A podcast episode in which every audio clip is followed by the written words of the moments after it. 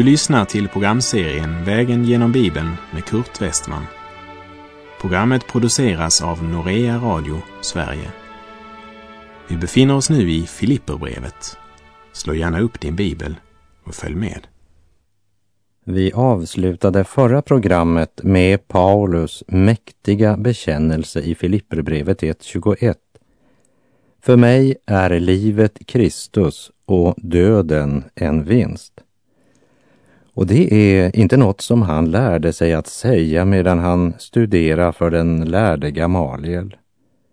Utan det är ett personligt vittnesbörd om vilken konsekvens tron på Jesus har fått i Paulus vardagsliv.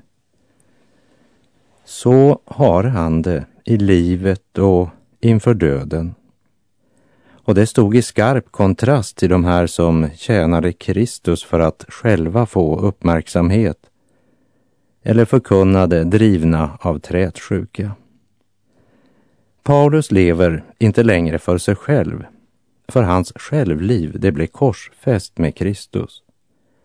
Och nu lever han helt och fullt för honom som dött för hans synder och uppstått till hans rättfärdiggörelse och som utgjutit sin ande i Paulus hjärta. För Paulus så är livet Kristus och döden en vinst. Han lever ett rikt och härligt liv i Jesu gemenskap, även när de yttre omständigheterna är svåra.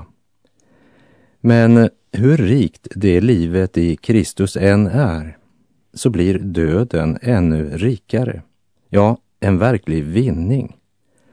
För döden för honom bara hem till Gud. Då får han ännu större del i Jesus och Jesus får ännu mer av Paulus. Och döden en vinning. Vi läser Filipperbrevet 1, vers 22 och 23.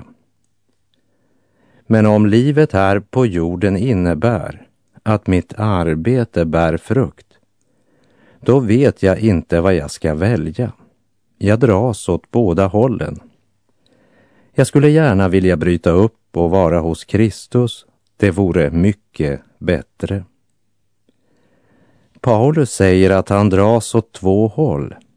Det ena det är att bryta upp från livet på jorden och för alltid vara hos Kristus, vilket för honom vore det bästa.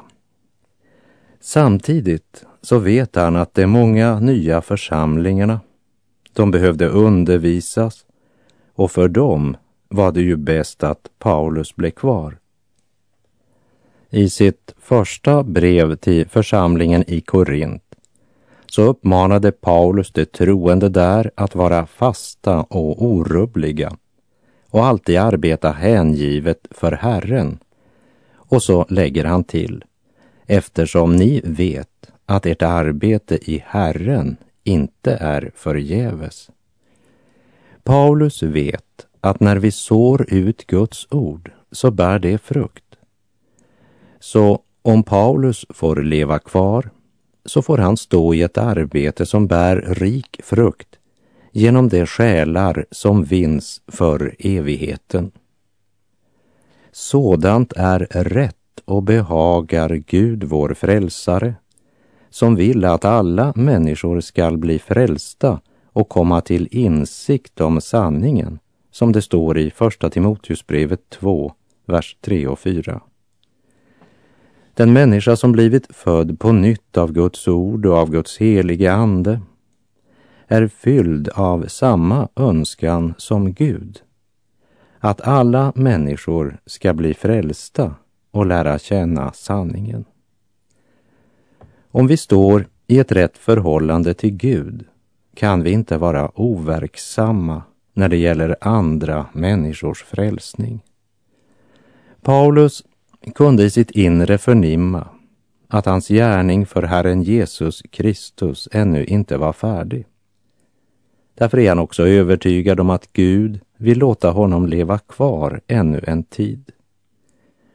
Övertygad, det är ett starkt ord när du sitter fängslad och inte vet hur domstolen ska döma. om det blir frihet, fortsatt fängelse eller kanske dödsdom. Ändå säger Paulus i verserna 24 till och med 26. Men för er skull är det nödvändigt att jag får leva kvar.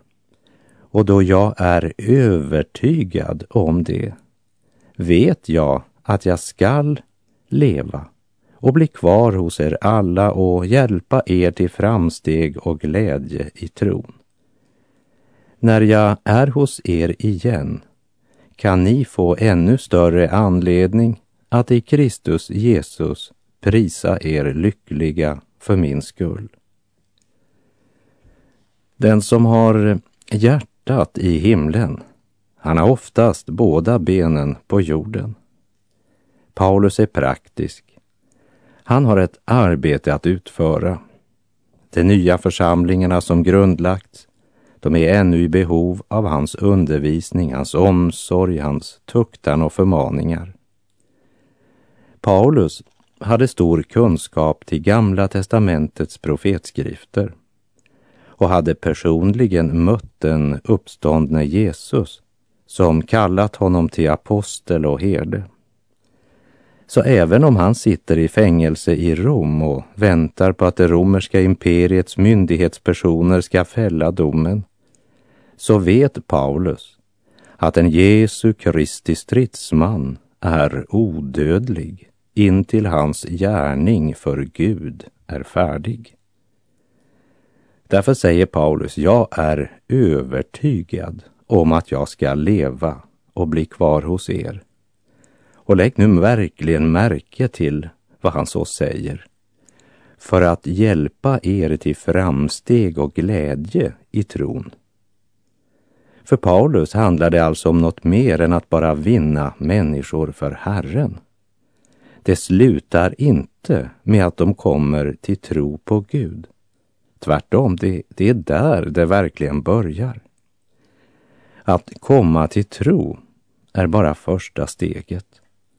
Ett Guds barn måste också växa till i nåd och kunskap så att det blir både framsteg och glädje i tron. I Hebreerbrevet som är ett brev där författaren är så upptagen av att upphöja Jesu namn att han medvetet inte nämner sitt eget.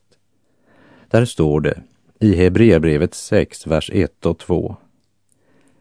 Låt oss därför lämna bak oss de första grunderna i Kristi lära och föras till fullkomlighet. Låt oss inte på nytt lägga grunden med omvändelse från döda gärningar och tro på Gud, med undervisning om reningar och handpåläggning, om det dödas uppståndelse och en evig dom. Många kristna kommer aldrig längre än till grunderna i Kristi lära.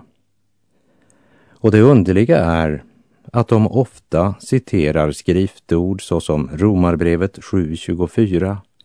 Jag arma människa, vem ska frälsa mig från denna dödens kropp? Och då gärna med betoning på arma. Däremot citerar man aldrig Hebreerbrevet 6, vers 1 och 2. Låt oss därför lämna bakom oss de första grunderna i Kristi lära och föras till fullkomlighet. David Hedegård sa, mångas kristendom är ett stillastående där man sällan eller aldrig upplever något nytt från Herren. En sådan ställning är farlig, ty den står i strid mot Guds ord, sa David Hedegård. Ja, skriften talar ju om att vandra i anden och om att jaga mot målet. Att växa i tron och kunskapen om vår frälsare. Paulus sitter fängslad men skriver med övertygelse och vi kan i hans ord känna vinden från evighetens värld när han säger jag är övertygad. Jag vet att jag ska leva och bli kvar hos er alla och hjälpa er till framsteg och glädje i tron. Filippi var ju en fantastisk församling. Och när man läst Filipperbrevet förstår man varför det kallas för glädjens brev. Men även i Filippi väntar sig Paulus att den andliga växten ska fortsätta och att de ska göra framsteg i tron och att glädjen ska bli ännu större. Det är bibelsk kristendom. Och därför fortsätter också Paulus och säger i Filipperbrevet 1, vers 26. När jag är hos er igen kan ni få ännu större anledning att i Kristus Jesus prisa er lyckliga för min skull. John Wesley sa, många som väntar att bli lyckliga hos Gud i himlen tänka aldrig på att leva lyckliga med Gud på jorden. Låt oss meditera en liten stund över de orden.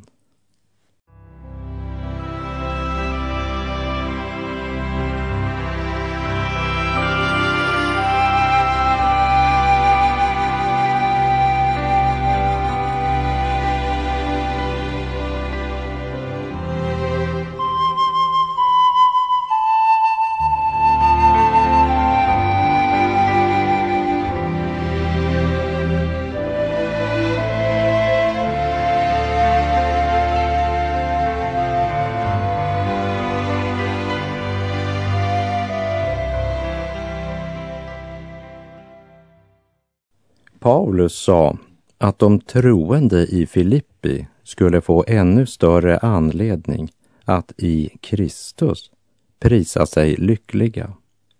Och även här är i Kristus nyckelordet.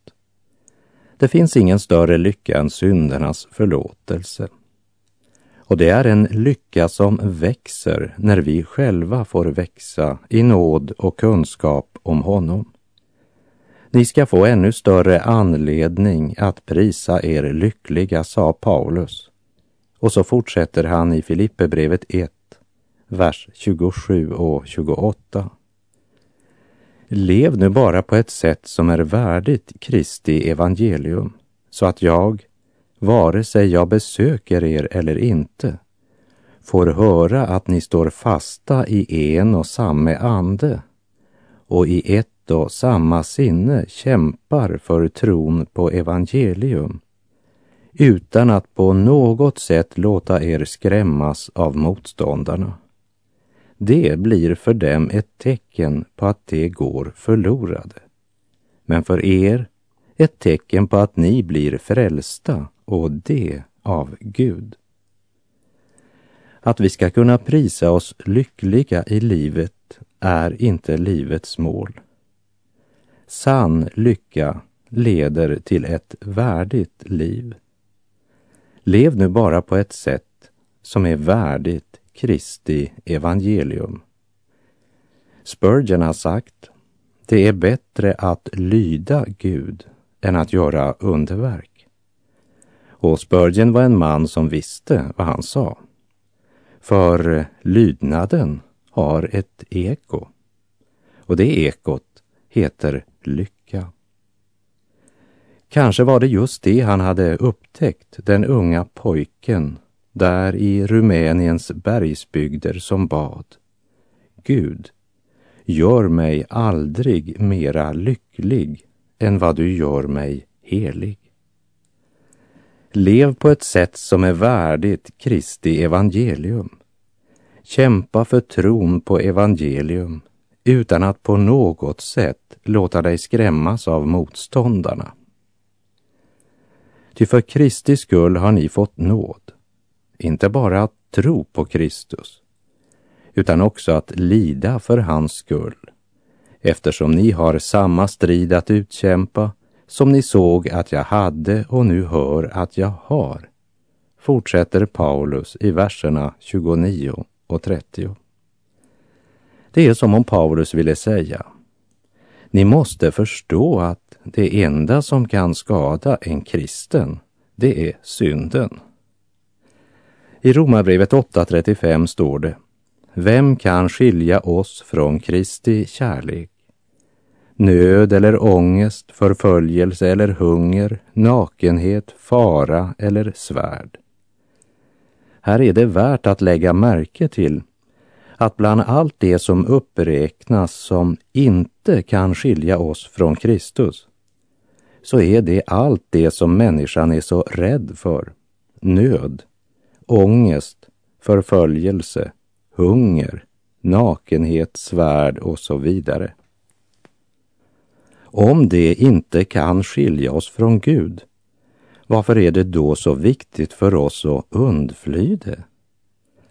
Lägg märke till att det står inte att välfärd, bekvämlighet, njutning och rikedom inte kan skilja oss från Gud. Men det står att nöd, ångest, hunger, nakenhet, svärd inte kan skilja oss från Kristi kärlek. Ja, det står till och med att i allt detta vinner vi en överväldigande seger, säger Romarbrevet 8. Men efter syndafallet så är vi mera rädda för att lida än för att synda. Men Guds ord säger alltså att vi har fått nåd, inte bara att tro på Kristus, utan också att lida för hans skull. Det står faktiskt det, att det är en nåd att få lida för Kristus. Lidandet är inte farligt för vårt andliga liv. Synden däremot är mycket, mycket farlig. Vi måste komma ihåg att Guds församling ofta har gått genom lidande och Kristi väg är en korsets väg. Och Jesus själv säger i Lukas 14, 27 den som inte bär sitt kors och följer mig kan inte vara min lärjunge. Låt oss inte glömma att Guds församlingslott på jorden är att gå korsets väg. Men nu har till och med Guds barn dragits med i dansen runt guldkalven. Även om man likt Israels barn den gången kallar det för en Herrens högtid. Lyssna till apostelns ord. Ty för Kristi skull har ni fått nåd, inte bara att tro på honom, utan också att lida för hans skull. Ni har fått förmånen, säger Paulus. Det är en nåd att få lida för Jesus. Ser vi det så? Eller har vi ett helt annat syn på saken än Guds ord? Jag tror att vi kan tugga på det här lite grann. Tugga på den här versen och låta den sjunka ner i våra hjärtan och våra tankar.